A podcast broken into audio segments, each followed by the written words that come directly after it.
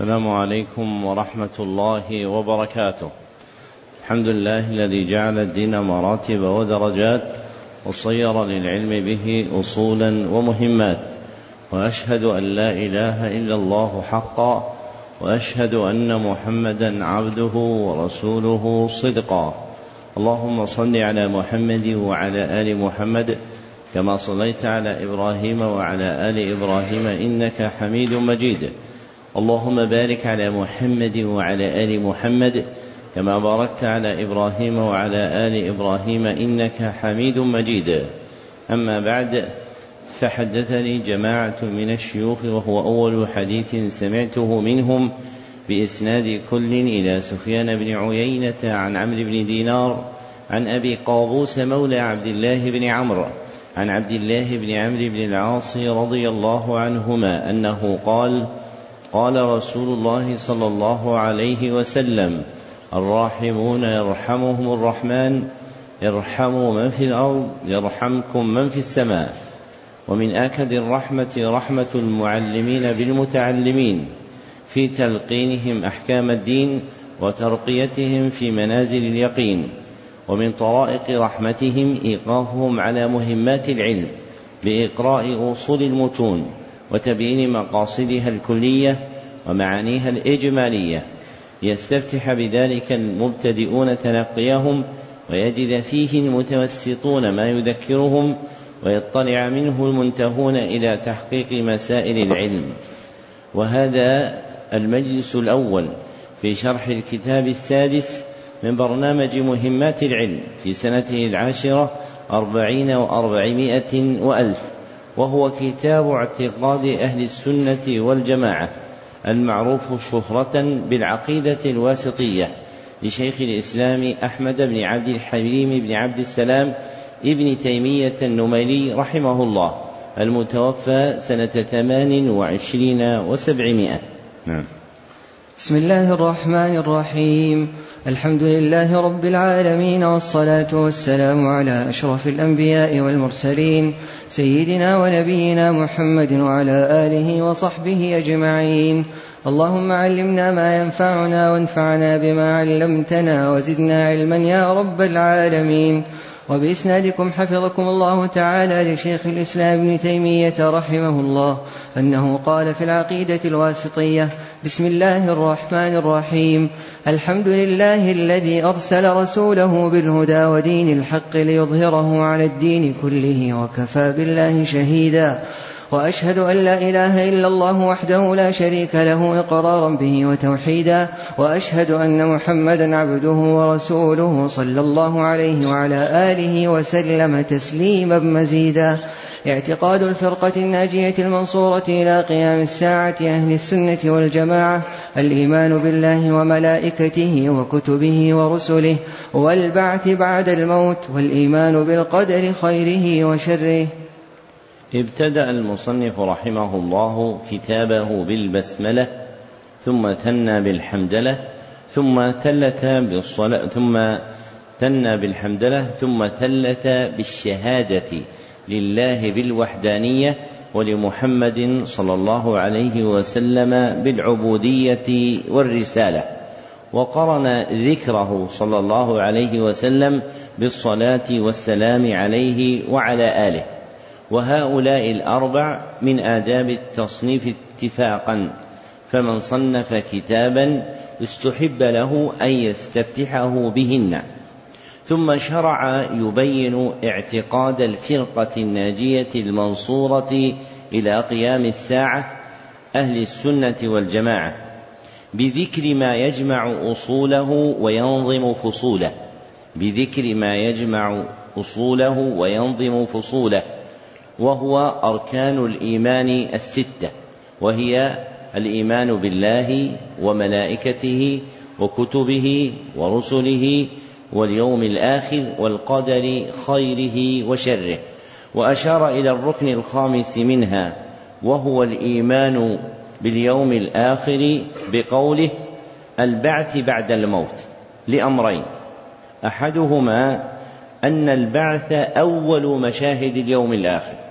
أن البعث أول مشاهد اليوم الآخر والآخر أنه أعظم مسائله التي أنكرها المشركون أنه أعظم مسائله التي أنكرها المشركون. والاعتقاد الصحيح الموافق للحق هو ما جاء به الشرع وأهله هم المتبعون للسنة والاعتقاد الصحيح الموافق للحق هو ما جاء في الشرع وأهله هم المتبعون للسنة المجتمعون عليها ولذلك سموا أهل السنة والجماعة فمن خالف السنة وفارق الجماعة فليس منهم. واختصوا بأنهم الفرقة واختصوا بأنهم الفرقة الناجية المنصورة إلى قيام الساعة. وهذه الرسالة هي في بيان اعتقادهم المستمد من القرآن والسنة. نعم. أحسن الله إليكم قال رحمه الله. ومن الإيمان بالله الإيمان بما وصف به نفسه في كتابه وبما وصفه به رسوله محمد صلى الله عليه وسلم. من غير تحريف ولا تعطيل ومن غير تكييف ولا تمثيل. بل يؤمنون بأن الله سبحانه وتعالى ليس كمثله شيء وهو السميع البصير. شرع المصنف رحمه الله يفصل مجمل الاعتقاد المتعلق بأصول الإيمان وأركانه مبتدئا بركن الإيمان بالله. فذكر أن من الإيمان بالله الإيمان بما وصف به نفسه في كتابه وبما وصفه به رسوله صلى الله عليه وسلم. وهو مبني على أصلين مذكورين في كلام المصنف. وهو مبني على أصلين مذكورين في كلام المصنف. فالأصل الأول النفي.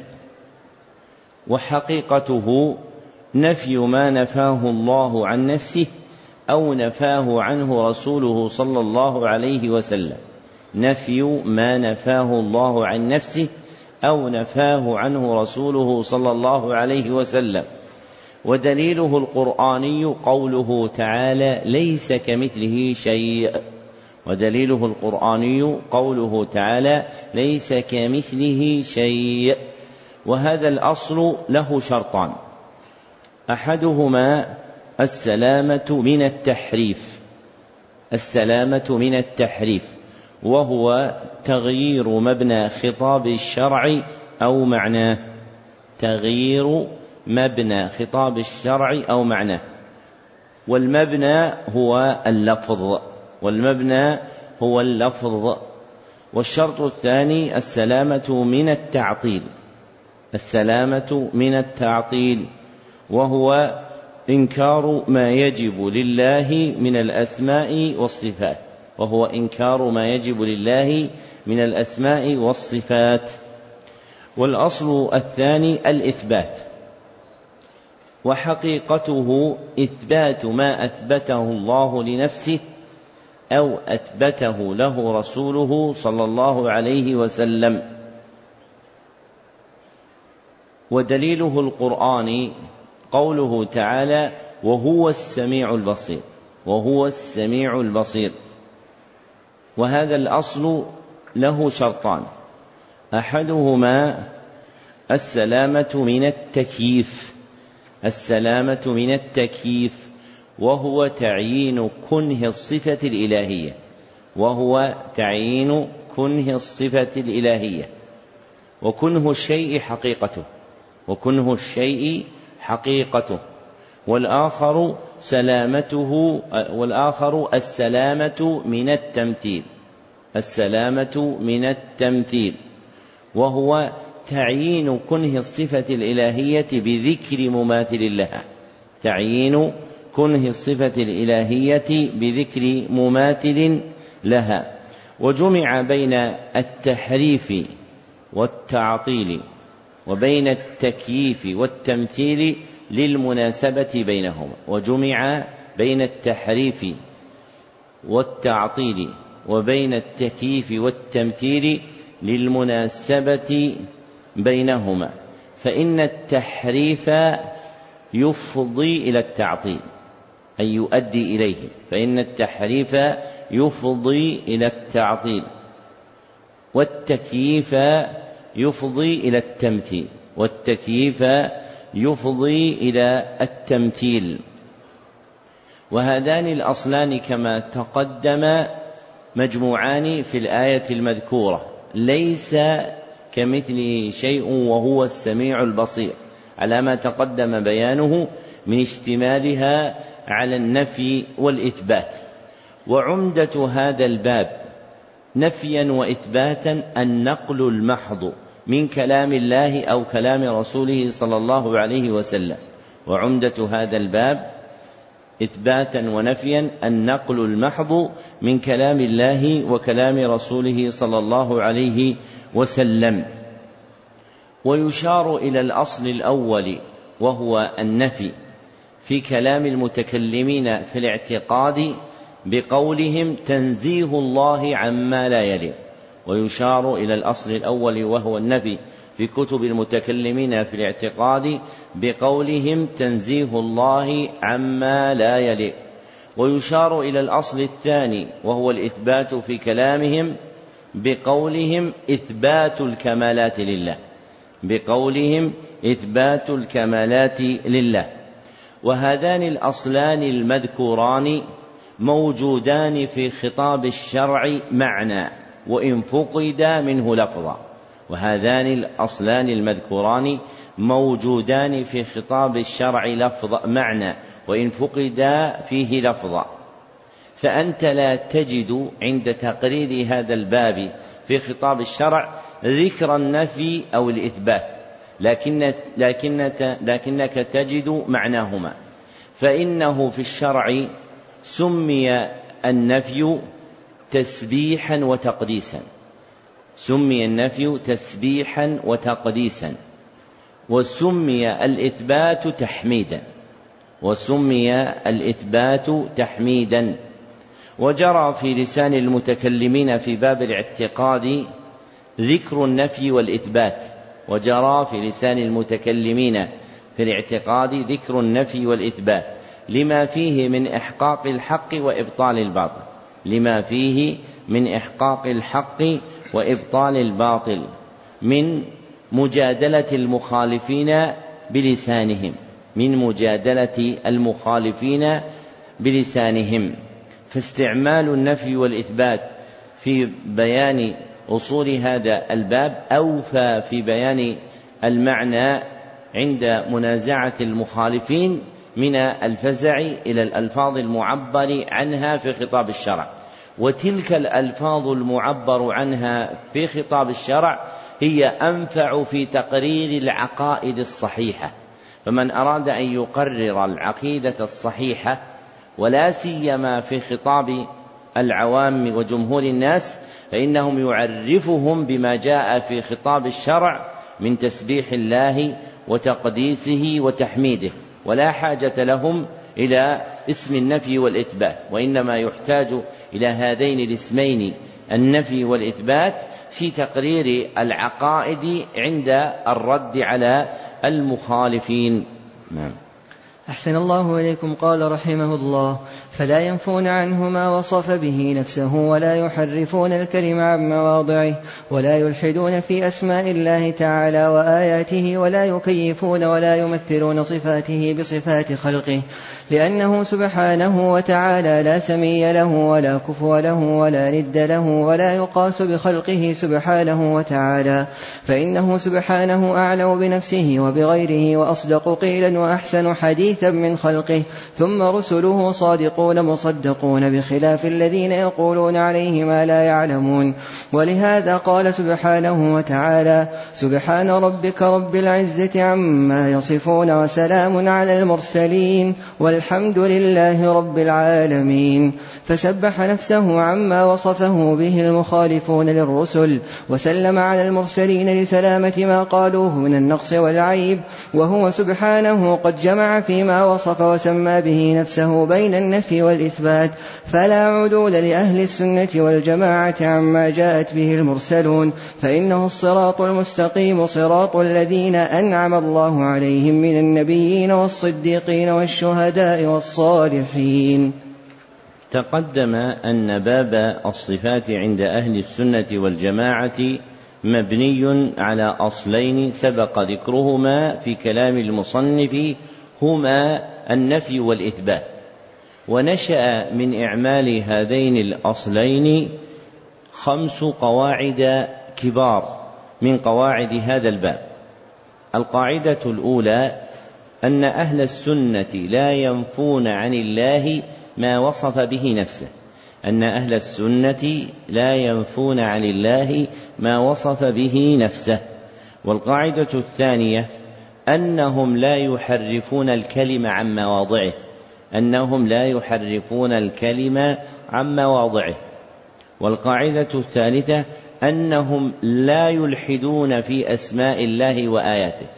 أنهم لا يلحدون في أسماء الله وآياته.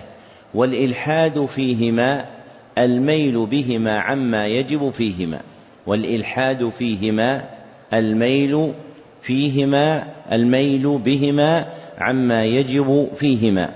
والقاعدة الرابعة أنهم لا يكيفون صفات الله أنهم لا يكيفون صفات الله. والقاعدة الخامسة أنهم لا يمثلون صفاته بصفات خلقه أنهم لا يمثلون صفاته بصفات خلقه. وموجب القول بهذه القواعد الخمس عند أهل السنة أمران وموجب القول عند أهل السنة بهذه القواعد الخمس أمران. أحدهما أن الله لا سمي له ولا كفء له ولا ند له. أن الله لا سمي له ولا كفء له ولا يقاس بأحد من خلقه سبحانه. والآخر أن رسله صادقون مصدقون. أن رسله صادقون مصدقون. فخبرهم صحيح. فخبرهم صحيح. وطريق الرسل الذي جاءوا به هو إثبات الأسماء والصفات لله. وطريق الرسل الذي جاءوا به هو إثبات الأسماء والصفات لله مع تنزيه الله عما لا يليق. مع تنزيه الله عما لا يليق. ونفي النقائص والآفات عنه. ونفي النقائص والآفات عنه. ولا عدول لأهل السنة والجماعة عن طريق الأنبياء والرسل. ولا عدول لأهل السنة والجماعة عن طريق الأنبياء والرسل لأنه الصراط المستقيم لأنه الصراط المستقيم. والقول عند أهل السنة في باب الصفات تبع للقول في الذات الإلهية والقول عند أهل السنة في باب الصفات تبع للقول في الذات الإلهية. فإنهم يثبتون وجود الله سبحانه وتعالى.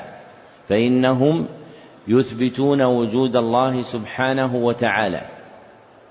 ويمتنعون عن القطع بكيفية ذاته. ويمتنعون عن القطع بكيفية ذاتهم.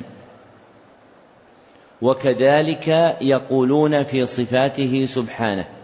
فيثبتون وجودها فيثبتون وجودها مع الامتناع عن ذكر كيفياتها مع الامتناع عن ذكر كيفياتها. فكما أن إثبات الذات إثبات وجود يكون إثبات الصفات إثبات وجود. فكما أن إثبات الذات فكما أن إثبات الذات إثبات وجود يكون إثبات الصفات إثبات وجود ولا يكيفون صفاته كما لا يكيفون ذاته ولا يكيفون صفاته كما لا يكيفون ذاته أي لا يثبتون للصفات كيفية كما أنهم لا يثبتون للذات كيفية كما أنهم لا يثبتون للذات كيفية. وهذا معنى قولهم القول في الصفات تبع للقول في الذات وهذا معنى قولهم القول في الصفات تبع للقول في الذات. وتارة يقولون القول في الصفات فرع عن القول في الذات. وتارة يقولون القول في الصفات فرع عن القول في الذات. يريدون أن إثبات الصفات إثبات وجود دون كيفية. يريدون أن إثبات الصفات إثبات وجود دون كيفية. كما أن إثبات الذات إثبات وجود دون كيفية. كما أن إثبات الذات إثبات وجود دون كيفية يعلمونها. وهذه القاعدة قاعدة شريفة عتيقة في كلام أهل السنة والجماعة. ذكرها منهم حمد الخطابي وأبو بكر الخطيب وقوام السنة الأصبهاني. ثم شهرت في كلام جماعة من المتأخرين المتوسعين في الكلام في هذا الباب. وذكر المصنف في جملة كلامه هنا قاعدة شريفة في باب الأسماء والصفات فقال وهو سبحانه. قد جمع فيما وصف وسمى به نفسه بين النفي والإثبات. وهذه القاعدة تحتمل معنيين. وهذه القاعدة تحتمل معنيين. أحدهما أن يكون النفي والإثبات أن يكون النفي والإثبات موجودين في جميع الأسماء والصفات. أن يكون النفي والإثبات موجودين في جميع الأسماء والصفات. فيكون في الأسماء نفي وإثبات ويكون في الصفات نفي وإثبات. فيكون في الأسماء نفي وإثبات ويكون في الصفات نفي وإثبات. والآخر أن يكون النفي والإثبات موجودين في مجموع الأسماء والصفات. أن يكون النفي والإثبات موجودين في مجموع الأسماء والصفات. فيكون في الصفات نفي وإثبات ويكون في الأسماء إثبات فقط.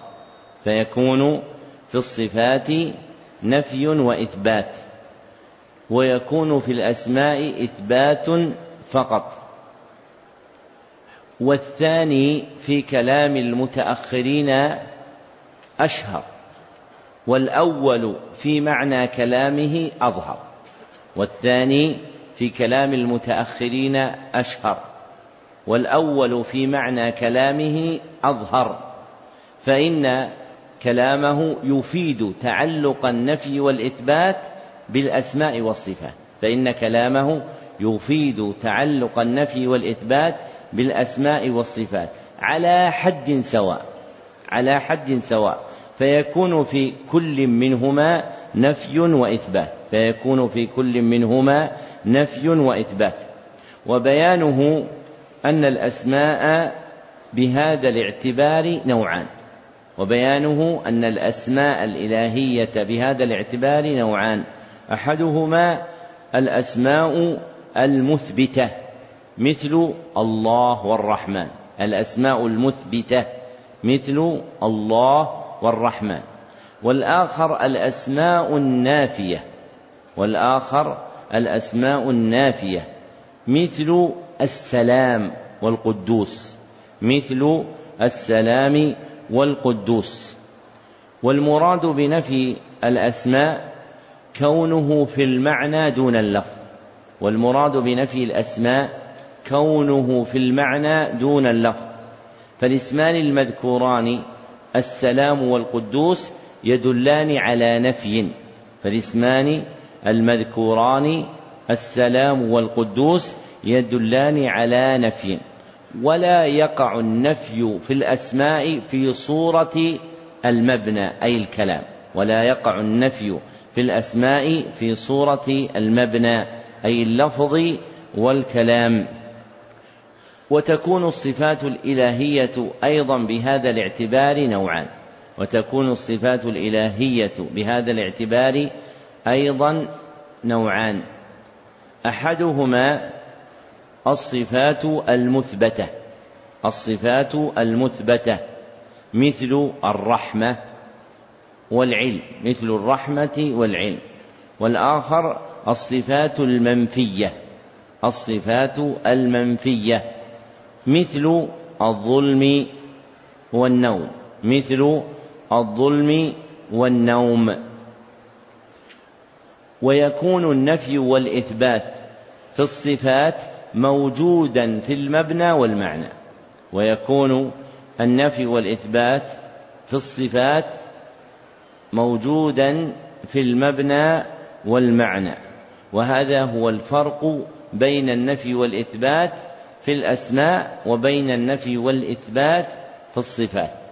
فالنفي في الأسماء يكون متعلقا بالمعنى فقط. فالنفي في الأسماء يكون متعلقا فقط. وأما في الصفات فيكون في المبنى والمعنى جميعا. فيكون في المبنى والمعنى جميعا.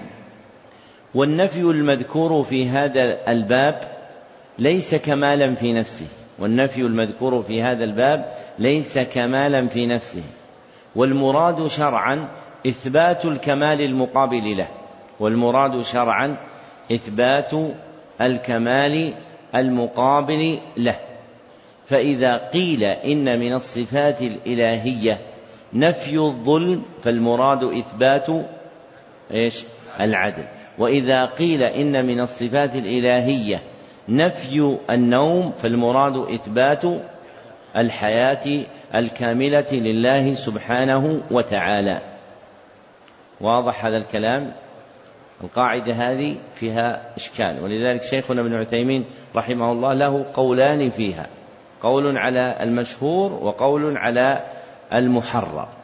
والقول على المحرر هو قوله الأخير في شرح الواسطية الأخير وليس منشورا فيما أعلم. نعم. أحسن الله إليكم. قال رحمه الله وقد دخل في هذه الجملة ما وصف به نفسه في سورة الإخلاص التي تعدل ثلث القرآن حيث يقول قل هو الله أحد الله الصمد لم يلد ولم يولد ولم يكن له كفوا أحد. وما وصف به نفسه في أعظم آية في كتابه حيث يقول الله لا إله إلا هو الحي القيوم لا تأخذه سنة ولا نوم له ما في السماوات وما في الأرض من ذا الذي يشفع عنده إلا بإذنه يعلم ما بين أيديهم وما خلفهم ولا يحيطون بشيء من علمه إلا بما شاء وسع كرسيه السماوات والأرض ولا يؤوده حفظهما وهو العلي العظيم. ولا يكلفه ولا يثقله.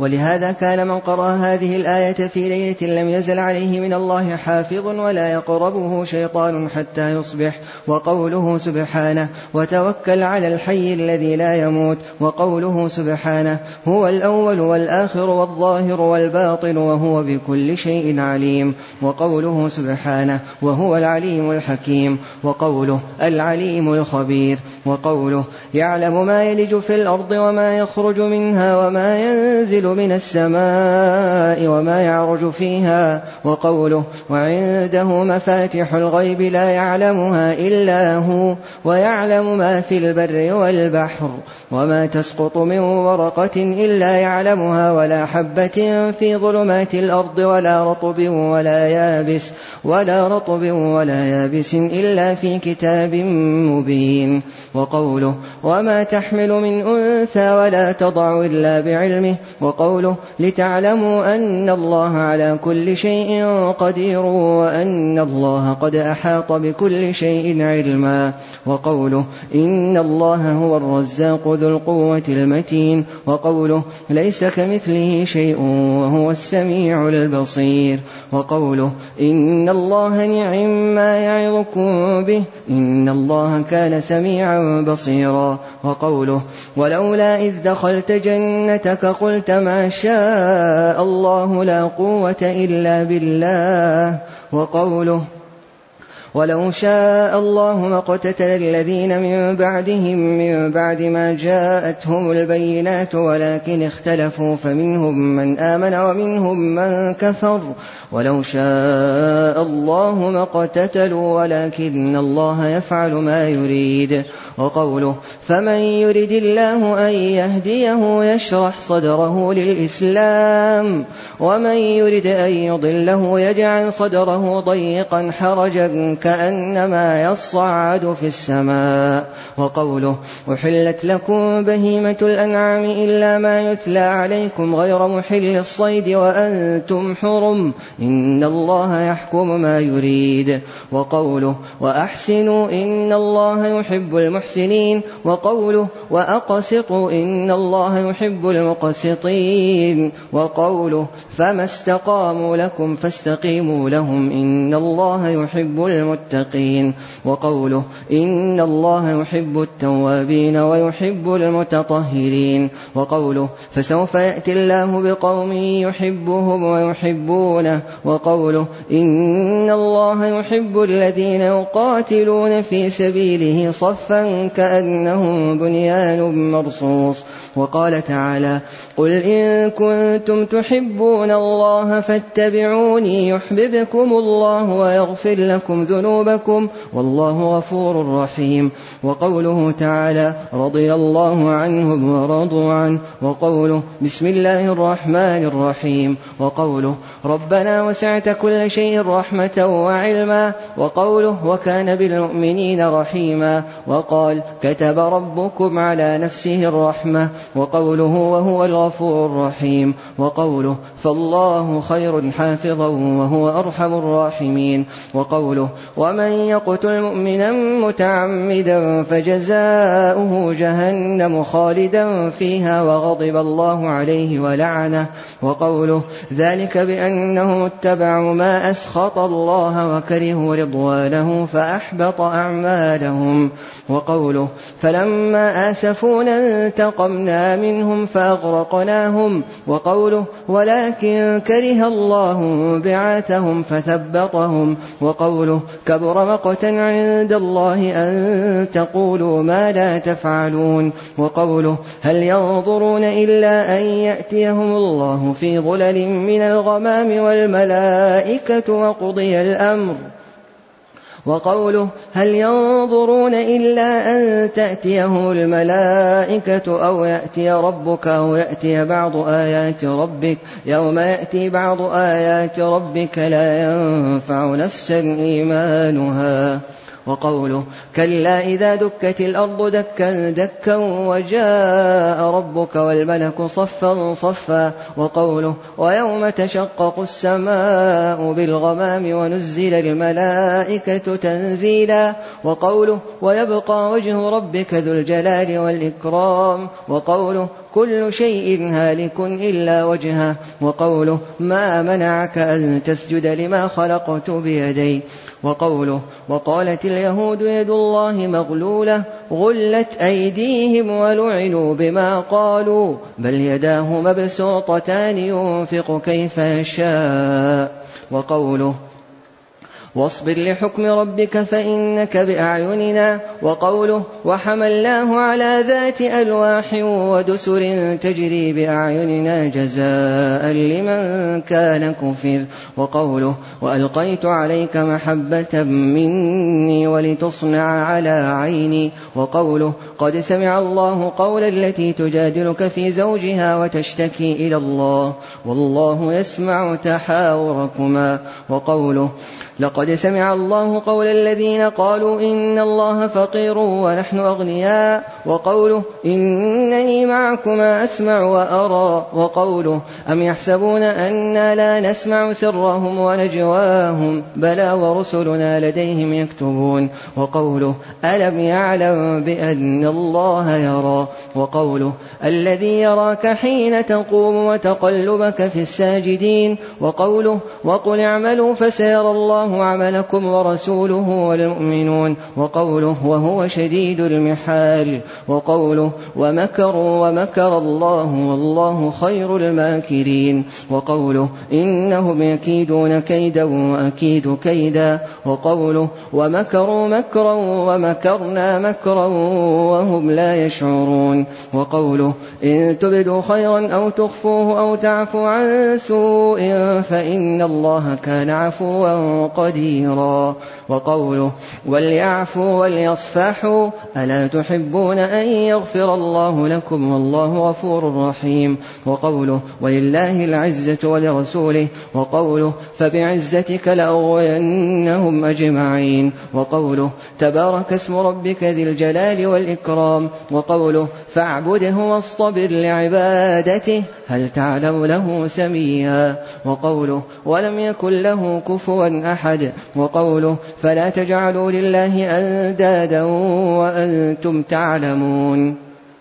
وقوله ومن الناس من يتخذ من دون الله أندادا يحبونهم كحب الله. وقوله وقل الحمد لله الذي لم يتخذ ولدا ولم يكن له شريك في الملك ولم يكن له ولي من الذل. وكبره تكبيرا. وقوله يسبح لله ما في السماوات وما في الأرض له الملك وله الحمد وهو على كل شيء قدير. وقوله تبارك الذي نزل الفرقان على عبده ليكون للعالمين نذيرا الذي له ملك السماوات والأرض ولم يتخذ ولدا ولم يكن له شريك في الملك وخلق كل شيء فقدره تقديرا.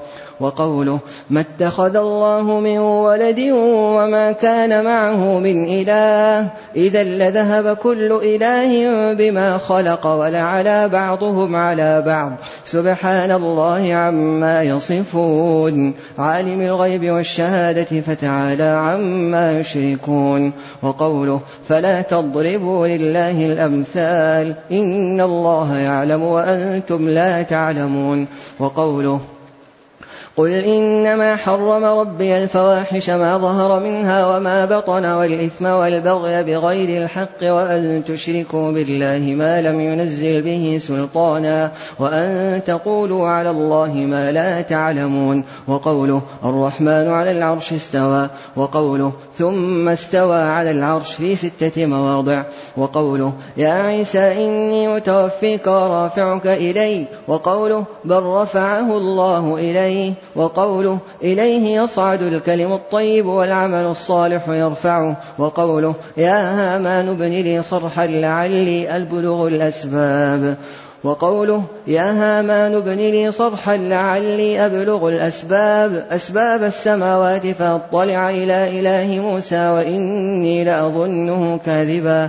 وقوله أأمنتم من في السماء أن يخسف بكم الأرض فإذا هي تمور؟ أم أمنتم من في السماء أن يرسل عليكم حاصبا فستعلمون كيف نذير؟ وقوله هو الذي خلق السماوات السماوات والأرض في ستة أيام ثم استوى على العرش. يعلم ما يلج في الأرض وما يخرج منها وما ينزل من السماء وما يعرج فيها. وهو معكم أينما كنتم والله بما تعملون بصير. وقوله ما يكون من نجوى ثلاثة إلا هو رابعهم ولا خمسة إلا هو سادسهم ولا أدنى من ذلك ولا أكثر إلا هو معهم أينما كانوا ثم ينبئهم بما عملوا يوم القيامة إن الله بكل شيء عليم وقوله لا تحزن إن الله معنا وقوله إنني معكما أسمع وأرى وقوله إن الله مع الذين اتقوا والذين هم محسنون وقوله واصبروا إن الله مع الصابرين وقوله كم من فئة قليلة غلبت فئة كثيرة بإذن الله والله مع الصابرين. وقوله ومن أصدق من الله حديثا وقوله ومن أصدق من الله قيلا. وقوله وإذ قال الله يا عيسى ابن مريم وقوله وتمت كلمة ربك صدقا وعدلا. وقوله وكلم الله موسى تكليما. وقوله منهم من كلم الله ورفع بعضهم درجات. وقوله ولما جاء موسى لميقاتنا وكلمه ربه وقوله وناديناه من جانب الطور الأيمن وقربناه نجيا وقوله وإذ نادى ربك موسى أن ائت القوم الظالمين وقوله وناداهما ربهما ألم أنهكما عن تلكما الشجرة وأقل لكما إن الشيطان لكما عدو مبين وقوله تعالى ويوم يناديهم فيقول أين شركائي الذين كنتم تزعمون وقوله تعالى ويوم يناديهم فيقول ماذا أجبتم المرسلين وقوله وإن أحد من المشركين استجارك فأجره حتى يسمع كلام الله وقوله وقد كان فريق منهم يسمعون كلام الله ثم يحرفونه من بعد ما عقلوه وقوله تعالى يريدون أن يبدلوا كلام الله قل لن تتبعونا وقوله واتل ما أوحي إليك من كتاب ربك لا مبدل لكلماته وقوله إن هذا القرآن يقص على بني إسرائيل أكثر الذي هم فيه يختلفون. وقوله وهذا كتاب أنزلناه مبارك. وقوله لو أنزلنا هذا القرآن على جبل لرأيته خاشعا متصدعا من خشية الله. وقوله وإذا بدلنا آية مكان آية والله أعلم بما ينزل قالوا إنما أنت مفتر بل أكثرهم لا يعلمون قل نزله روح القدس من ربك بالحق ليثبت الذين آمنوا وهدى وبشرى للمسلمين ولقد نعلم أنهم يقولون إنما يعلمه بشر لسان الذي يلحدون إليه أعجمي وهذا لسان عربي مبين وقوله وجوه يومئذ ناظرة إلى ربها ناظرة وقوله على الأرائك ينظرون وقوله للذين أحسنوا الحسنى وزيادة وقوله لهم ما يشاءون فيها ولدينا مزيد. وهذا الباب في كتاب الله كثير. من تدبر القرآن طالب الهدى منه تبين له طريق الحق. لما قرر المصنف رحمه الله قاعدة أهل السنة والجماعة في باب الأسماء والصفات ذكر جملة مستكثرة من الآيات القرآنية والأحاديث النبوية المندرجة في تلك القاعدة. وموجب اقتصاره على الآي والأحاديث ما تقدم ذكره من أن عمدة هذا الباب هو النقل المحض من كلام الله وكلام رسوله صلى الله عليه وسلم. فإن أسماء الله وصفاته غيب محجوب عنا لا نطلع عليه إلا بوحي مما جاء في كلامه سبحانه أو في كلام رسوله صلى الله عليه وسلم.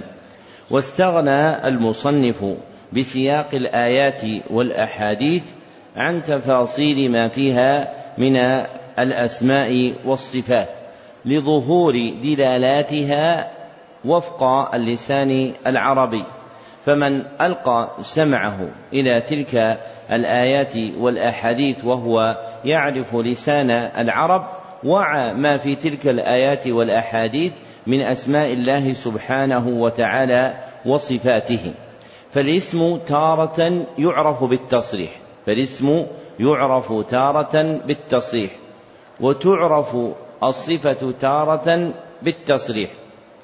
وتعرف تارة بالاسم والفعل الدال عليه فالاسم يعرف بالتصريح والصفة تعرف تارة بالتصريح وتارة تعرف بالاسم والفعل الدالين عليها. فالأسماء الإلهية يأتي ذكرها مصرحة يأتي ذكرها مصرحا به في الآيات والأحاديث. وتكون الصفات تارة كذلك فيصرح بها. وتارة يذكر اسم إلهي أو فعل إلهي يدل على صفة لله سبحانه وتعالى. فالأسماء الإلهية تدل على الصفات الإلهية. فالأسماء الإلهية تدل على الصفات الإلهية. فكل اسم من أسماء الله سبحانه وتعالى فيه صفة أو أكثر.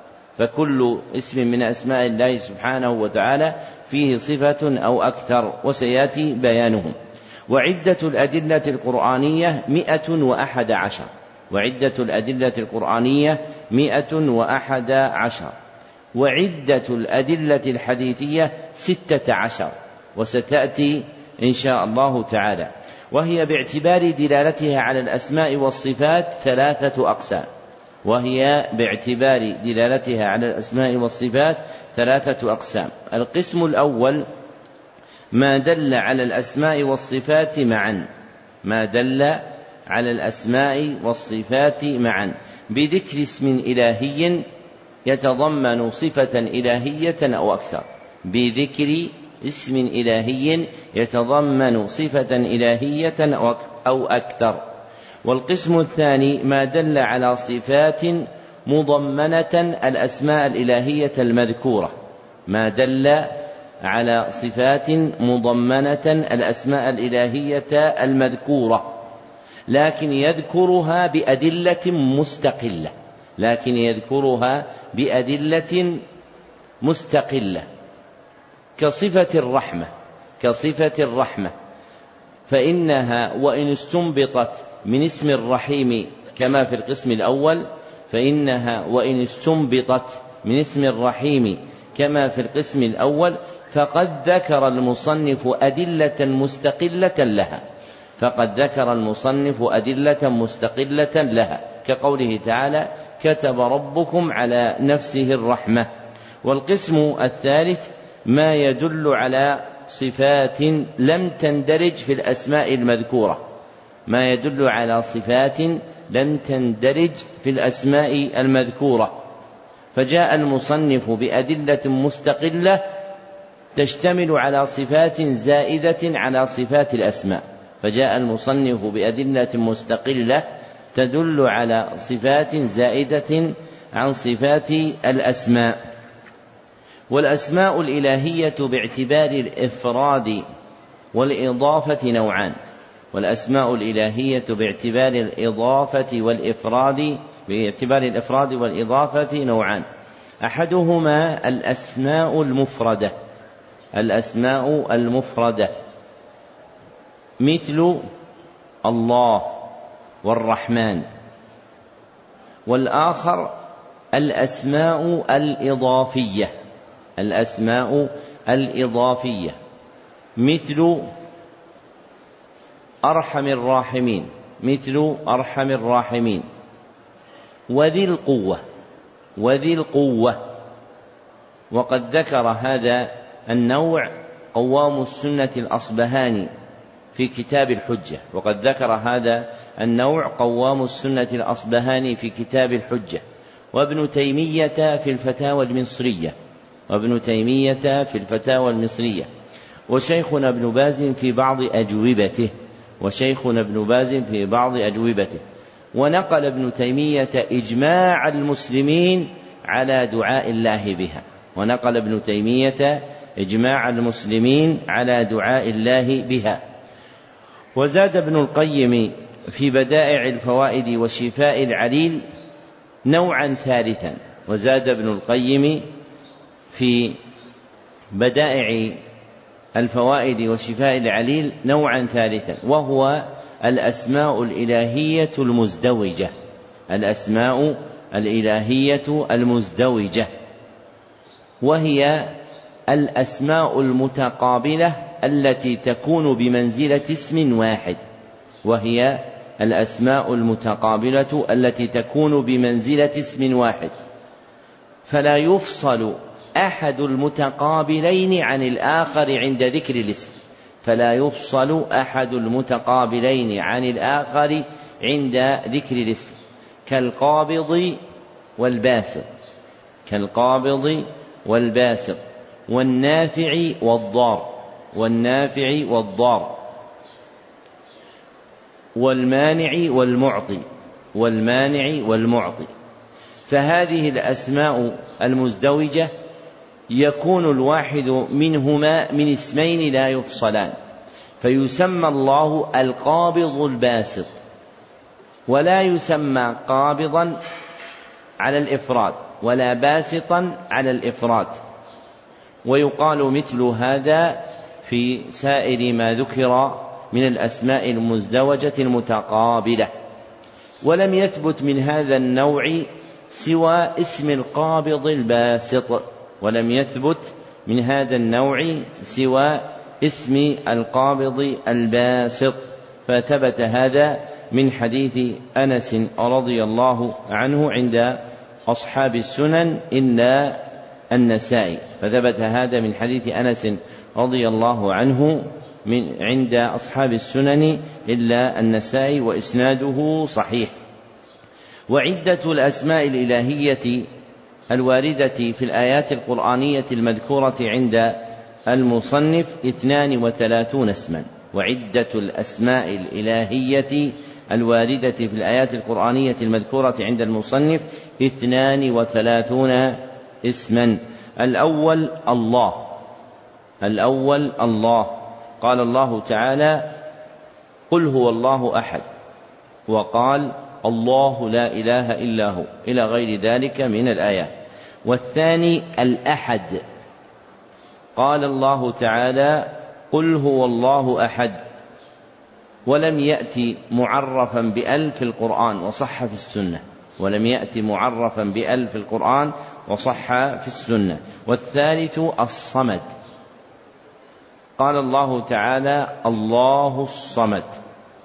والصمد هو السيد الكامل المقصود في الحوائج. والصمد هو السيد الكامل المقصود في الحوائج. والرابع والخامس الحي والقيوم. قال الله تعالى الله لا إله إلا هو الحي القيوم. وقال وتوكل على الحي الذي لا يموت. ومعنى القيوم هو القائم على نفسه القائم على غيره. هو القائم على نفسه القائم على غيره. والسادس والسابع العلي والعظيم. قال الله تعالى وهو العلي العظيم وهو العلي العظيم. والثامن والتاسع والعاشر والحادي عشر الأول والآخر والظاهر والباطن. الأول والآخر والظاهر والباطن. قال الله تعالى هو الأول والآخر والظاهر والباطن. وصح عن النبي صلى الله عليه وسلم في تفسيرها أن الأول هو الذي ليس قبله شيء وأن الآخر هو الذي ليس بعده شيء وأن الظاهر هو الذي ليس فوقه شيء وأن الباطن هو الذي ليس دونه شيء. رواه مسلم من حديث أبي هريرة. وأغنى تفسيره صلى الله عليه وسلم عن ابتغاء تفسير غيره. ذكره ابن جرير الطبري وغيره. والثاني عشر والثالث عشر والرابع عشر العليم والحكيم والخبير. العليم والحكيم والخبير. قال الله تعالى وهو العليم الحكيم. وقال العليم الخبير. والاسم الخامس عشر والسادس عشر والسابع عشر الرزاق وذو القوة والمتين. الرزاق وذو القوة والمتين.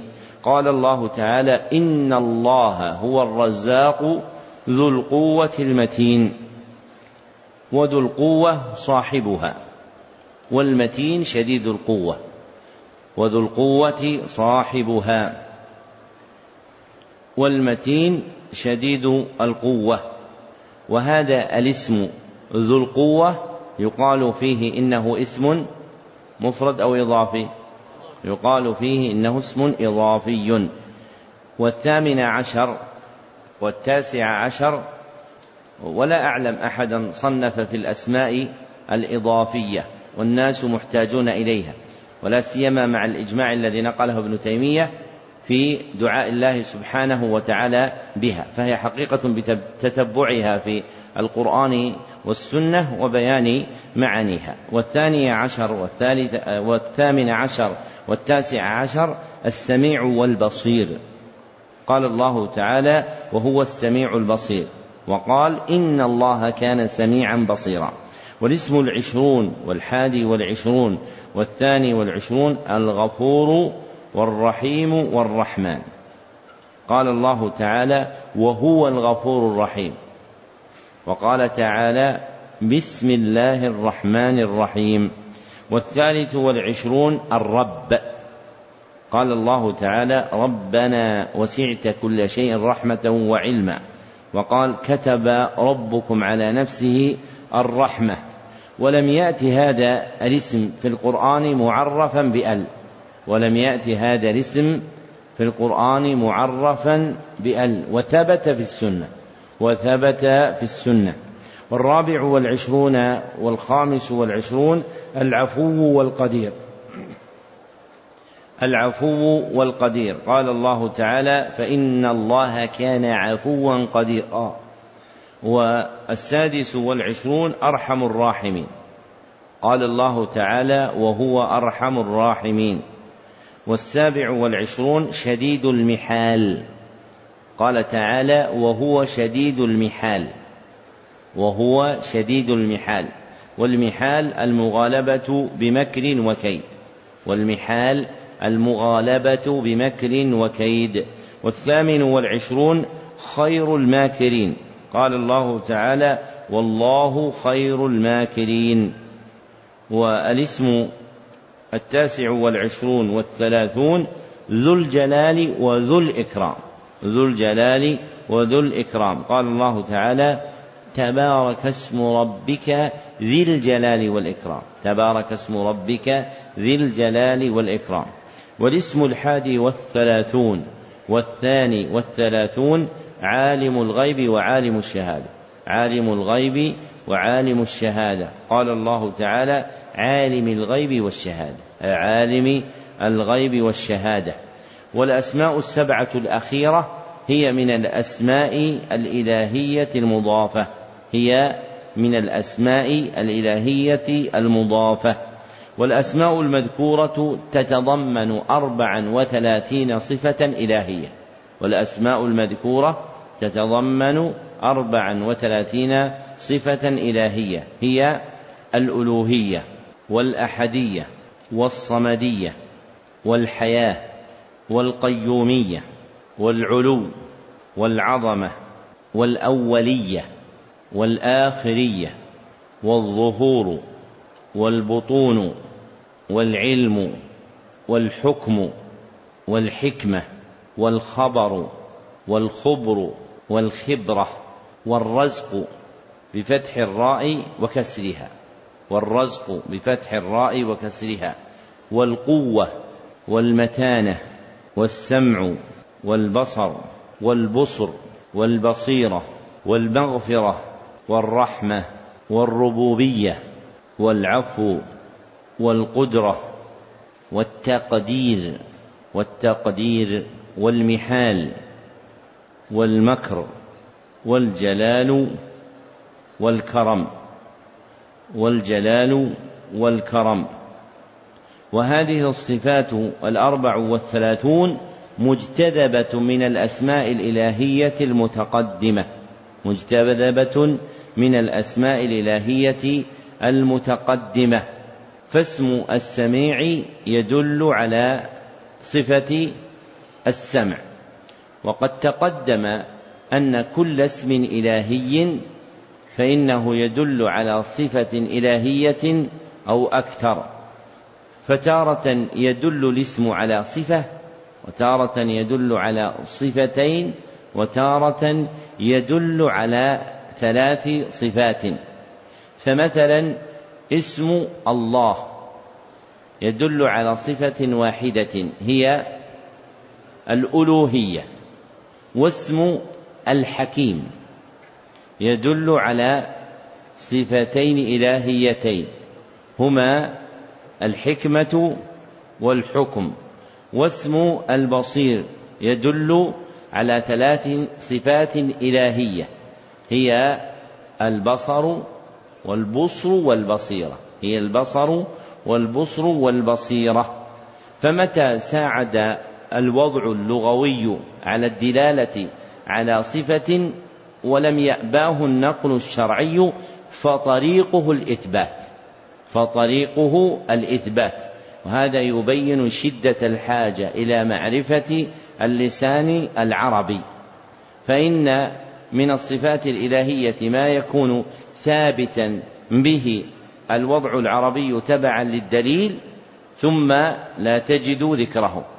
وتجد من يزيد صفة إلهية من اسم ولا يساعد عليها الوضع اللغوي. فمثلا ما سبق ذكره من أن اسم البصير فيه ثلاث صفات يدل عليه الوضع اللغوي للباء والصاد والراء. من اسم من أن اسم البصير الواقع اسم فاعل يدل على البصر والبصر والبصيرة. فاللسان العربي يدل على مضمن هذا الاسم من الصفات ولو لم يأتي ذكرها مصرحا بها على حدة فإنه قد تأتي الصفة الإلهية مذكورة في القرآن ثم لا تجد لها ذكرا لا في آية ولا في حديث ولا في كلام السلف استغناء بوضوح ذلك في اللسان العربي.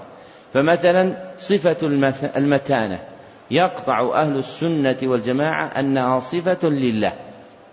أو لا؟ ما الجواب؟ نعم ما الدليل؟ اسم المتين. أحسنت. الدليل اسم المتين. الله سبحانه وتعالى من أسمائه المتين. والصفة التي في المتين هي المتانة. فعلى قواعد أهل السنة هذا مقطوع به. ولكن لقلة فهم دلائل الشرع في هذا الباب وضعف اللسان العربي صار من؟ إذا ذكرت صفة المتانة يقول أين الدليل؟ وهذا الدليل في القرآن الكريم. وتارة وقع في لسان بعض المتأخرين زيادة صفة من اسم وليست كذلك. فمثلا صفة الإحكام. لا تستفاد من اسم الحكيم وإن كانت من صفات الله. فاسم الحكيم يدل على صفتين فقط هما الحكم والحكمة. لماذا لم يدل على صفة الإحكام؟ طيب. من أين جئت أن اللسان العربي ما, ما يقبل؟ لا يكون لسانك أنت. أنت لسانك عربي بس لا يحتاج ضبط قواعد العربية لأننا ضيعنا اللسان العربي بقينا بالصورته والجواب أن اللسان العربي يأبى لأن الإحكام أصل فعله رباعي وهو أحكم. وأما الحكيم فأصل فعله ثلاثي وهو حكم فيكون منه الحكمة ويكون منه الحكم. وذكر المصنف رحمه الله أدلة مستقلة لتسع صفات من هذه الصفات المذكورة زيادة على استنباطها من الأسماء وهي الألوهية والعلم والسمع والرحمة والحكم والحكمة والتقدير والمكر والعلو فأثبتها بطريق الأسماء وأثبتها أيضا بأدلة مستقلة تشتمل على تلك الصفات. وذكر المصنف كما تقدم آيات تدل على صفات إلهية زائدة على الصفات المذكورة في أسماء الله سبحانه وتعالى. ومنها ما هو مثبت ومنها ما هو منفي. فإن صفات الله باعتبار النفي والإثبات نوعان. فإن صفات الله باعتبار النفي والإثبات نوعان. أحدهما صفات مثبتة كالرحمة والعلم. صفات مثبتة كالرحمة والعلم. والآخر صفات منفية. صفات منفية كنفي الظلم والنوم. كنفي الظلم والنوم. ويسمى الأول الصفات الثبوتية. ويسمى الأول الصفات الثبوتية. ويسمى الثاني الصفات السلبية. ويسمى الثاني الصفات السلبية. وهذه الصفات الإلهية المثبتة الواردة في الآيات غير تلك الصفات الإلهية الواردة في الأسماء المتقدمة وعدتها ستون صفة إلهية وعدتها ستون صفة إلهية. فالصفة الأولى الإذن. قال الله تعالى من ذا الذي يشفع عنده إلا بإذنه. من ذا الذي يشفع عنده إلا بإذنه. والثانية الحفظ. والثانية الحفظ. قال الله تعالى فالله خير حافظا فالله خير حافظا. وقال ولا يؤوده حفظهما أي لا يكرثه ولا يثقله أي لا يكرثه ولا يثقله فلا يهمه ولا يبالي به فلا يهمه ولا يبالي به. ثبت هذا التفسير عن ابن عباس ومجاهد ثبت هذا التفسير الذي ذكره المصنف عن ابن عباس ومجاهد. والصفة الثالثة والرابعة المشيئة والإرادة. قال الله تعالى ولا يحيطون بشيء من علمه إلا بما شاء وقال إن الله يحكم ما يريد إلى غير ذلك من الآيات التي ذكرها المصنف. والفرق بين المشيئة والإرادة أن الإرادة تتعلق بالأمر الكوني القدري والأمر الديني الشرعي. أن الإرادة تتعلق بالأمر الكوني القدري وبالأمر الديني الشرعي. وأما المشيئة فتختص بالأمر الكوني القدري فتختص بالأمر الكوني القدري. فتقول مثلا أراد الله أن تكون السماوات سبع وأراد أن تكون الصلوات المفروضة خمسا. فهذا الأول كوني والثاني شرعي. وأما إذا جئت لتستعمل المشيئة فتقول شاء الله أن تكون السماوات سبعا. ولا تستعملها في الأمر الديني الشرعي تبعا لخطاب الشرع. والصفة الخامسة الإحاطة. الإحاطة. قال الله تعالى وأن الله قد أحاط بكل شيء علما. والصفة السادسة والسابعة والثامنة والتاسعة الهداية والشرح والإضلال والجعل. الهداية والشرح والإضلال والجعل. قال الله تعالى فمن يرد الله أن يهديه فمن يرد الله أن يهديه يشرح صدره للإيمان. يشرح صدره للإسلام. ومن يرد أن يضله ومن يرد أن يضله يجعل صدره ضيقا حرجا. الآية والصفة العاشرة الوعظ. والصفة العاشرة الوعظ. قال الله تعالى إن الله نعم ما يعظكم به. إن الله نعم ما يعظكم به. والصفة الحادية عشرة المحبة. قال الله تعالى إن الله يحب المحسنين. وقال إن الله يحب المتقين إلى غير ذلك من الآيات التي ذكرها المصنف.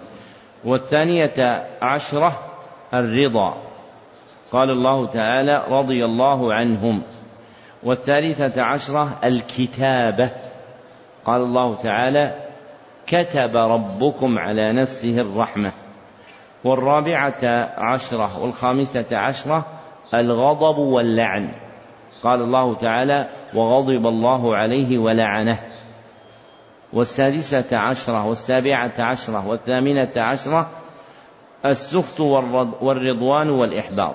السخط والرضوان والإحباط. قال تعالى ذلك بأنهم اتبعوا ما أسخط الله وكرهوا رضوانه. فأحبط أعمالهم.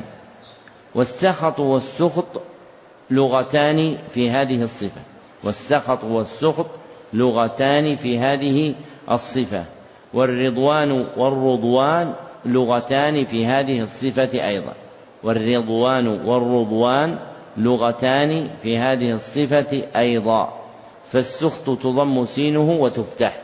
والرضوان تكسر راؤه وتضم. وتذكر الصفة بكل لغة منهما. والصفة التاسعة عشرة والعشرون والحادية والعشرون الأسف والانتقام والإغراق. الأسف والانتقام والإغراق. قال الله تعالى فلما آسفونا انتقمنا منهم فأغرقناهم. انتقمنا منهم فأغرقناهم. والأسف شدة الغضب شدة الغضب. والفرق بينه وبين السخط أن السخط شدة غضب مقرونة بكراهية أكثر. والفرق بينه وبين السخط أن السخط شدة غضب مقرونة بكراهية أكثر. والصفة الثانية والعشرون والثالثة والعشرون الكراهة والتثبيط. الكراهة والتثبيط. قال الله تعالى ولكن كره الله بعاثهم فثبطهم. ولكن كره الله بعاثهم فثبطهم. والتثبيط الحبس والمنع. والتثبيط الحبس والمنع. ويقال في هذه الصفة الكراهة والكراهية. الكراهة والكراهية. فهي لغتان فيها. والرابعة والعشرون المقت المقت. قال الله تعالى كبر مقتا عند الله كبر مقتا عند الله. والمقت هو أشد البغض هو أشد البغض. والصفة الخامسة والعشرون الإتيان. قال الله تعالى إلا أن يأتيهم الله. وقال أو يأتي ربك. والصفة السادسة والعشرون المجيء. قال الله تعالى وجاء ربك. والفرق بين الإتيان والمجيء أن الإتيان أقوى. أن الإتيان أقوى. فالمجيء مجرد الورود. فالمجيء مجرد الورود. وأما الإتيان فهو ورود بقوة. فهو ورود بقوة. والصفة السابعة والعشرون صفة الوجه. والصفة السابعة والعشرون صفة الوجه. قال الله تعالى ويبقى وجه ربك وقال كل شيء هالك إلا وجهه والصفة الثامنة والعشرون صفة الإنفاق. قال الله تعالى ينفق كيف يشاء والصفة التاسعة والعشرون صفة اليدين. قال الله تعالى ما منعك أن تسجد لما خلقت بيدي. وقال تعالى بل يداه مبسوطتان. وقال تعالى بل يداه مبسوطتان. واقتصر المصنف على الآيات التي ذكرت فيها اليدان مثناتا واقتصر المصنف على الآيات التي ذكرت فيها اليدان مثناتا لأنها حقيقة الصفة. لأنها حقيقة الصفة. وقد وقع في القرآن ذكر اليد مفردة ومجموعة. فمن المفرد قوله تعالى تبارك الذي بيده الملك. تبارك الذي بيده الملك. ومن المجموع ومن الجمع قوله تعالى أولم يروا أنا خلقنا لهم مما عملت أيدينا. والتوفيق بين هذه الآيات أن المفرد لبيان جنس الصفة. أن المفرد لبيان جنس الصفة يعني إثبات صفة اليد. وأن الجمع لأجل التعظيم. وأن الجمع لأجل التعظيم أي تعظيم الله. أو للمشاكلة في الكلام. أو للمشاكلة في الكلام. أي جعله في شكل واحد. أي جعله في شكل واحد ليسهل على اللسان. فإن الله قال أنا خلقنا لهم مما عملت أيدينا. فناسب الجمع المذكور في الأفعال أن يكون في الاسم أيضا. وأما التثنية فهي المرادة حقيقة. وأما التثنية فهي المرادة حقيقة. فالله عز وجل له يدان ووجه كونها المرادة حقيقة لماذا؟ ليش ما صار المراد حقيقة هي المفرد ولا هو الجمع؟ طيب هذه آيات الحديث هذه آيات ووجه ذلك أن العرب إذا أطلقت المثنى فتريد حقيقته فقط أن العرب إذا أطلقت المثنى فتريد حقيقته فقط بكونه اثنين أما المفرد والجمع فقد يطلقان على غير الحقيقة. أما المفرد والجمع فقد يطلقان على غير الحقيقة. فتارة يطلق المفرد ويراد به جمع وهو الجنس. والجنس أفراد كثيرة. وتارة يطلق الجمع ويراد به التعظيم. ويراد به التعظيم. كقول الله عن نفسه أنا خلقنا لهم. فالمقصود بذلك تعظيمه سبحانه وكقوله إنا نحن أنزلنا الذكر وإنا له لحافظون. نزلنا الذكر وإنا له لحافظون. فالمراد بذلك هو تعظيم الله سبحانه وتعالى. والصفة الثلاثون صفة العينين. والصفة والصفة الثلاثون صفة العينين. قال الله تعالى واصبر لحكم ربك فإنك بأعيننا. وقال تعالى تجري بأعيننا. وقال تعالى ولتصنع على عيني وهذه الآيات في إثبات صفة العينين لله سبحانه وتعالى. وقد وقع ذكر الصفة في القرآن مفردة ومجموعة كما في هذه الآيات والمراد بالإفراد ما سبق ذكره من إرادة الجنس والمراد بالجمع إرادة التعظيم. وأما التثنية فلم تأت صريحة في القرآن ولا في السنة. وأما التثنية فلم ترد صريحة في القرآن ولا في السنة. ولكن الإجماع منعقد عليها. ولكن الإجماع منعقد عليها. فأهل السنة مجمعون على أن لله عينين. فأهل السنة مجمعون على أن لله عينين. والأصل عندهم فيه قوله صلى الله عليه وسلم لما ذكر الدجال ألا وإن ربكم ليس بأعور. والأصل فيه عندهم قول النبي صلى الله عليه وسلم لما ذكر الدجال قال إن ربكم ليس بأعور. فالعور في لسان العرب صفة ذي عينين إحداهما معيبة والأخرى سليمة.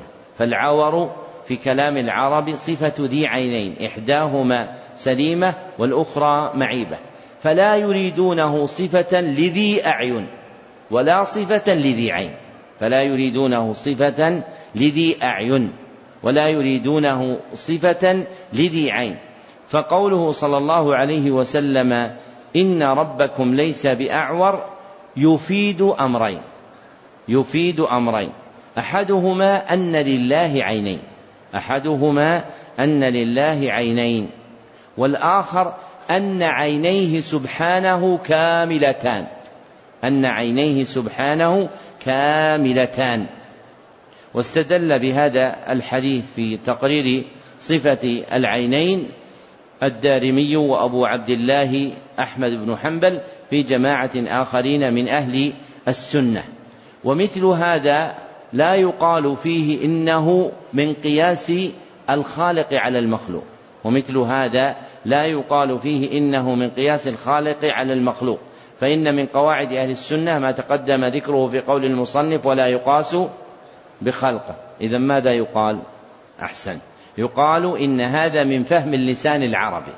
إن هذا من فهم اللسان العربي. يعني أن العربية إذا سمع أحدا يذكر أن فلانا أعور فهو يفهم أن فلانا هذا كم له عين؟ له عينين. إحداهما سليمة والأخرى معيبة. ولما نفي عن الله العور علم أن عيني الله سبحانه وتعالى كاملتان. والصفة الحادية والثلاثون صفة الحمل. قال تعالى وحملناه على ذات ألواح ودسر. والصفة الثانية والثلاثون صفة الإلقاء. قال الله تعالى وألقيت عليك محبة مني وألقيت عليك محبة مني. والصفة الثالثة والثلاثون صفة الرؤية صفة الرؤية. قال تعالى إنني معكما أسمع وأرى. وقال تعالى ألم يعلم بأن الله يرى.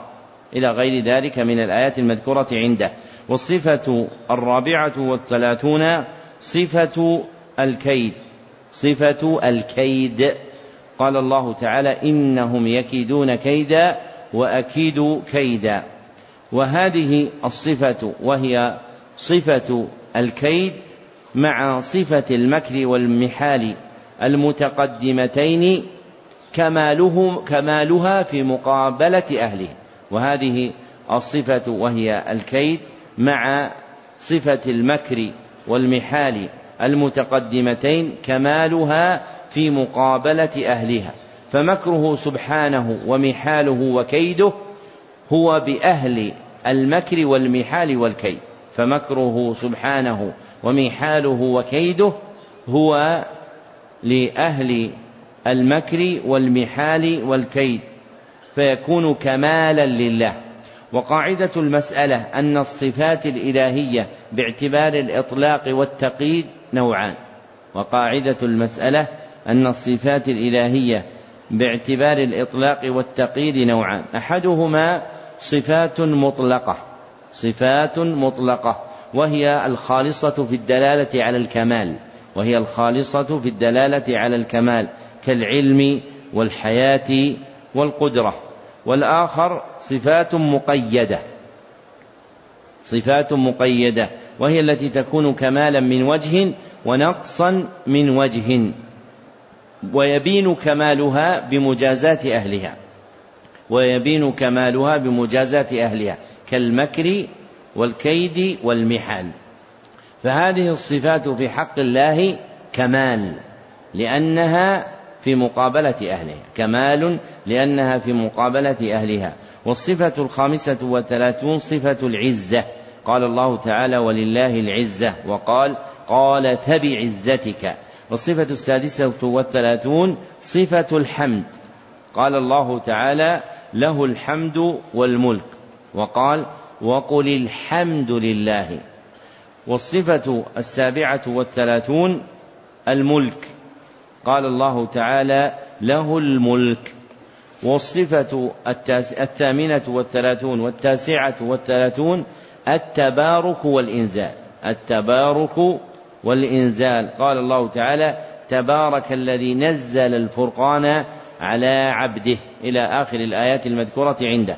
والصفة الأربعون والحادية والأربعون الجلال والإكرام. الجلال والإكرام. قال الله تعالى تبارك اسم ربك ذي الجلال والإكرام. تبارك اسم ربك ذي الجلال والإكرام. والصفة الثانية والأربعون صفة الخلق. صفة الخلق. قال الله تعالى وخلق كل شيء وخلق كل شيء والصفة الثالثة والأربعون صفة التحريم. قال الله تعالى قل إنما حرم ربي قل إنما حرم ربي. والصفة الرابعة والأربعون صفة الاستواء. قال الله تعالى الرحمن على العرش استوى الرحمن على العرش استوى. وقال ثم استوى على العرش. والصفة الخامسة والأربعون صفة التوفي. قال الله تعالى إني متوفيك. والصفة السادسة والأربعون صفة الرفع. قال تعالى بل رفعه الله. والصفة السابعة والأربعون صفة المعية. قال الله تعالى وهو معكم إلى غير ذلك من الآيات التي ذكرها المصنف. والصفة الثامنة والأربعون والتاسعة والأربعون صفة الخسف والإرسال. صفة الخسف والإرسال. قال الله تعالى أأمنتم من في السماء أن يخسف بكم الأرض؟ أأمنتم من في السماء أن يخسف بكم الأرض؟ وقال تعالى أأمنتم من في السماء أن يرسل عليكم حاصبا. والصفة الخمسون صفة الإنباء. صفة الإنباء. قال الله تعالى ثم ينبئهم بما عملوا. والصفة الحادية والخمسون صفة الصدق. قال الله تعالى ومن أصدق من الله قيلا. وقال ومن أصدق من الله حديثا. والصفة الثانية والخمسون صفة الحديث. صفة الحديث. قال تعالى ومن أصدق من الله حديثا والصفة الثانية والخمسون صفة القيل والقول. صفة القيل والقول. قال الله تعالى ومن أصدق من الله قيلا. وقال تعالى وإذ قال الله يا عيسى ابن مريم. والقيل والقول لغتان في هذه الصفة. والقيل والقول لغتان في هذه الصفة. والصفة الرابعة والخمسون الكلام. قال الله تعالى وتمت كلمة ربك إلى غير ذلك من الآيات التي ذكرها عنده. والصفة الخامسة والخمسون والسادسة والخمسون صفة التقريب والمناجاة. صفة التقريب والمناجاة. قال تعالى وقربناه نجيا. وقربناه نجيا. والصفة السابعة والخمسون صفة النداء. قال تعالى وناديناه إلى غير ذلك من الآيات. والصفة الثامنة والخمسون صفة التبديل. صفة التبديل. قال الله تعالى وإذا بدلنا آية مكان آية. والصفة التاسعة والخمسون صفة التثبيت. صفة التثبيت. قال الله تعالى ليثبت الذين آمنوا. ليثبت الذين آمنوا. والصفة الستون صفة التجلي صفة التجلي. قال الله تعالى وجوه يومئذ ناظرة إلى وجوه يومئذ ناظرة إلى ربها ناظرة. وقال الله تعالى على الأرائك ينظرون. وقال تعالى ولدينا مزيد. وقال تعالى لهم الحسنى وزيادة. وهؤلاء الآيات ذكرهن المصنف لإثبات صفة التجلي. وذكر أنهن جعلن هنا لإثبات رؤية المؤمنين ربهم في الآخرة غلط. وذكر أنهن جعلن هنا لإثبات رؤية المؤمنين ربهم غلط من وجهين. أحدهما أن الآيات المذكورة هنا هي في صفات الخالق. أن الآيات المذكورة هنا هي في صفات الخالق. ورؤية المؤمنين ربهم في الآخرة هي من صفات المخلوق أنه يرى الله سبحانه وتعالى. والآخر أن المصنف ذكر هذه المسألة في محلها اللائق وهو الإيمان باليوم الآخر. أن المصنف ذكر هذه المسألة في محلها اللائق وهو الإيمان باليوم الآخر. أما الصفات المنفية الواردة في الآيات التي ذكرها المصنف فعدتها ثلاث عشرة صفة. أما الصفات الإلهية المنفية المذكورة في الآيات التي ذكرها المصنف فعدتها ثلاثة عشرة صفة. فالصفة الأولى والثانية النوم والسنة. النوم والسنة. قال الله تعالى لا تأخذه سنة ولا نوم. والسنة النعاس. والسنة النعاس. والصفة الثالثة الأود. والصفة الثالثة الأود. قال الله تعالى ولا يؤوده حفظهما. أي لا يهمه ولا يكرهه كما تقدم. والصفة الرابعة الموت. قال الله تعالى وتوكل على الحي الذي لا يموت. والصفة الخامسة الولد. قال الله تعالى لم يلد وقال ما اتخذ الله من ولد والصفة السادسة الولادة. قال الله تعالى ولم يولد قال الله تعالى ولم يولد والصفة السابعة الكفء. قال الله تعالى ولم يكن له كفوا أحد والكفء هو المماثل. والكفء هو المماثل والصفة الثامنة السمي. قال الله تعالى هل تعلم له سميا؟ هل تعلم له سميا؟ كيف يكون النفي هنا؟ كيف هذه الصفة منفية؟ نعم أحسن.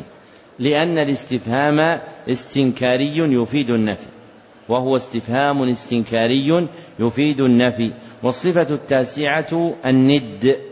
قال الله تعالى فلا تجعلوا لله أندادا.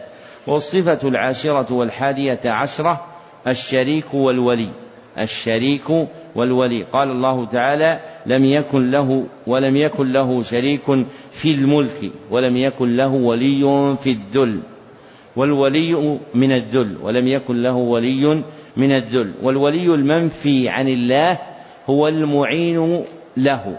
والولي المنفي عن الله هو المعين له الذي يتصرف معه سبحانه. والصفة الثانية عشرة الإله معه.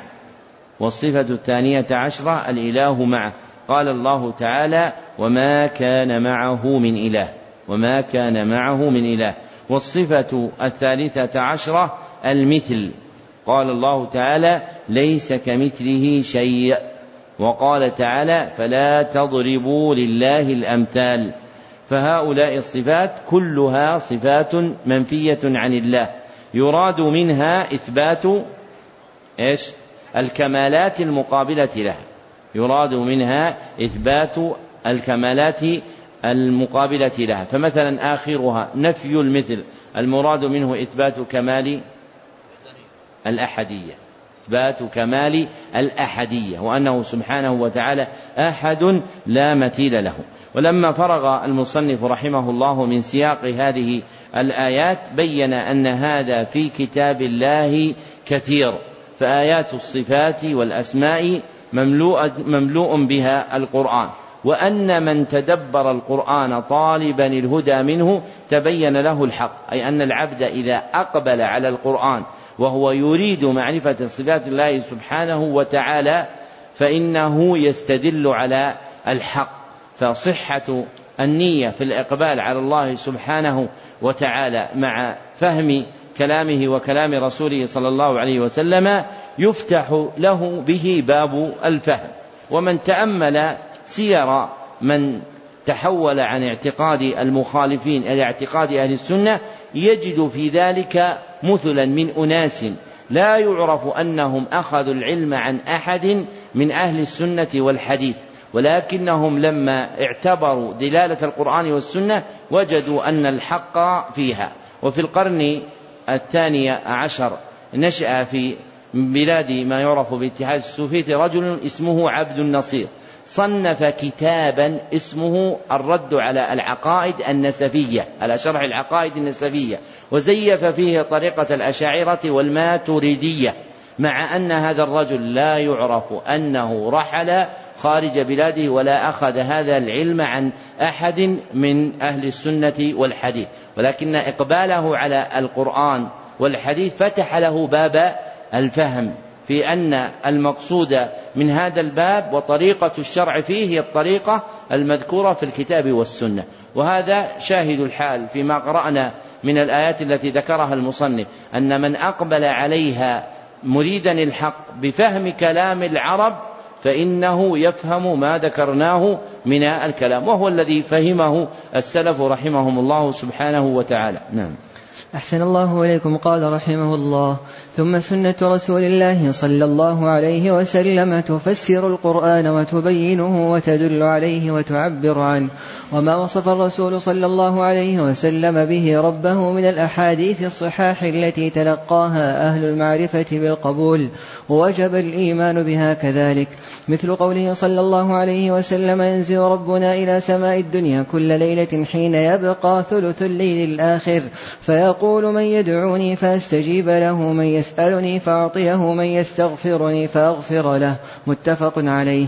وقوله صلى الله عليه وسلم لله أشد فرحا بتوبة عبده من أحدكم براحلته الحديث متفق عليه.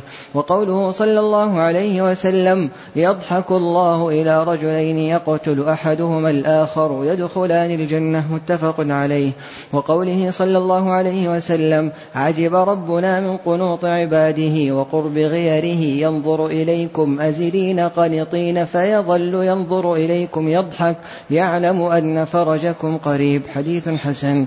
وقوله صلى الله عليه وسلم لا تزال جهنم يلقى وتقول لا تزال جهنم يلقى فيها وتقول هل من مزيد حتى يضع رب العزة فيها قدمه وفي رواية عليها قدمه فينزوي بعضها إلى بعض وتقول قط قط متفق عليه. وقوله صلى الله عليه وسلم يقول الله عز وجل لآدم عليه السلام يا آدم فيقول لبيك وسعديك فينادي بصوت إن الله يأمرك أن تخرج من ذريتك بعثا إلى النار. متفق عليه. وقوله صلى الله عليه وسلم ما من أحد إلا سيكلمه ربه ليس بينه وبينه حجاب ولا ترجمان. وقوله صلى الله عليه وسلم في رقية المريض ربنا الله الذي في السماء تقدس اسمك أمرك في السماء والأرض كما رحمتك في السماء اجعل رحمتك في الأرض. اغفر لنا حوبنا وخطايانا أنت رب الطيبين. أنزل رحمة من رحمتك وشفاء من شفائك على هذا الوجع فيبرأ. رواه أبو داود. وقوله صلى الله عليه وسلم لا تأمنونني وأنا أمين من في السماء رواه البخاري وغيره. وقوله صلى الله عليه وسلم والعرش فوق ذلك والله فوق عرشه وهو يعلم ما أنتم عليه رواه أبو داود والترمذي وغيرهما. وقوله صلى الله عليه وسلم للجارية أين الله؟ قالت في السماء. قال من أنا؟ قالت أنت رسول الله. قال صلى الله عليه وسلم اعتقها فإنها مؤمنة. رواه مسلم وقوله صلى الله عليه وسلم أفضل الإيمان أن تعلم أن الله معك حيثما كنت. حديث حسن. وقوله صلى الله عليه وسلم إذا قام أحدكم إلى الصلاة فإن الله قبل وجهه فلا يبصقن قبل وجهه ولا عن يمينه ولكن عن يساره أو تحت قدمه. متفق عليه. وقوله صلى الله عليه وسلم اللهم رب السماوات السبع ورب الأرض ورب العرش العظيم ربنا ورب كل شيء شيء. فالق الحب والنوى منزل التوراة والإنجيل والفرقان.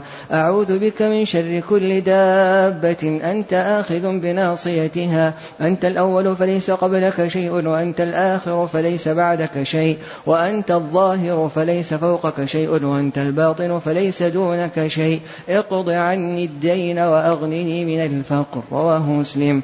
وقوله صلى الله عليه وسلم لما رفع أصحابه أصواتهم بالذكر أيها الناس اربعوا على أنفسكم فإنكم لا تدعون صم ولا غائبا إنما تدعون سميعا قريبا إن الذي تدعونه أقرب إلى أحدكم من عنق راحلته متفق عليه. وقوله صلى الله عليه وسلم إنكم سترون ربكم كما ترون القمر ليلة البدر لا تضامون في رؤيته فإن استطعتم ألا تغلبوا على صلاة قبل طلوع الشمس وصلاة قبل غروبها فافعلوا متفق عليه.